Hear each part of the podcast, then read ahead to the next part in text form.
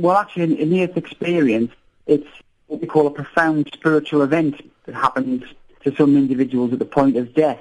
And it's usually sort of accompanied by traveling through a, a passage or a, a tunnel of darkness or light. Die dood is onvermydelik, maar volgens die wetenskaplikes wat die navorsing in die tydskrif Resuscitation gepubliseer het, is daar lig aan die einde van die tonnel. Die navorsing is in Engeland, Amerika en Oostenryk gedoen. Die leier van die navorsingsspan, Dr. Sam Pania, sê dit is bekend dat die brein nie meer funksioneer as die hart opgehou klop het nie.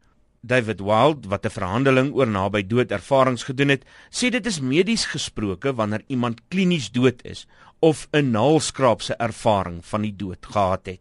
Enige iemand kan so ervaring beleef, sê Wild. The near-death experience can happen to anybody, um, regardless of any kind of religious inclinations or what have you. What we do kind of know from cross-cultural studies is that people of certain cultures and things, whether they be religious cultures or, or other cultures, their experiences tend to have features which are related to those particular cultures. So, for instance, if someone who's particularly Christian, for instance, may well have you know images to do with say, possibly the Virgin Mary, Jesus Christ, things like that. So we know that it seems to have these kind of cultural motifs included in those type of experience.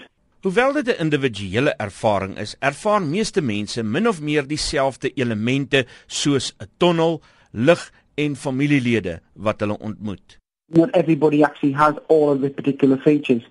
And it seems to be what we call a very individual experience. So people will encounter features or things in that experience which are quite personally meaningful for them if they kind of explore them afterwards, that they can have a great deal of personal meaning to them. And then finally, what we do know is experiences happen. There are quite long-lasting, profound after effects such as the powerful nature of the experience, it can change a, a person's life course quite dramatically. Daar is heelwat skeptiese verklaringe vir naby dood ervarings, sê Walt. It attracts a lot of skepticism, particularly because of the implications I think that something separates from the body in some way.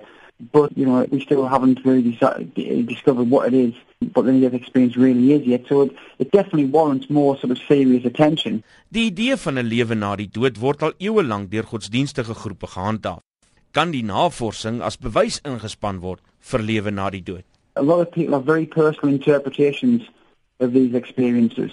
So when people have these things, I think taking religious or spiritual counsel is something that people may benefit from, certainly. Whether the religious groups themselves can take anything from the near-death experience, that remains to be seen. Volgens hom is hulle nog in die duister oor wat werklik na die dood gebeur. At the moment, no, we can't really sort of say much about what happens after life or death. This study Barney has done, because of this idea that awareness carries on for a certain time, that gives us a very interesting sort of research question to answer now, and we definitely need to do more work on that.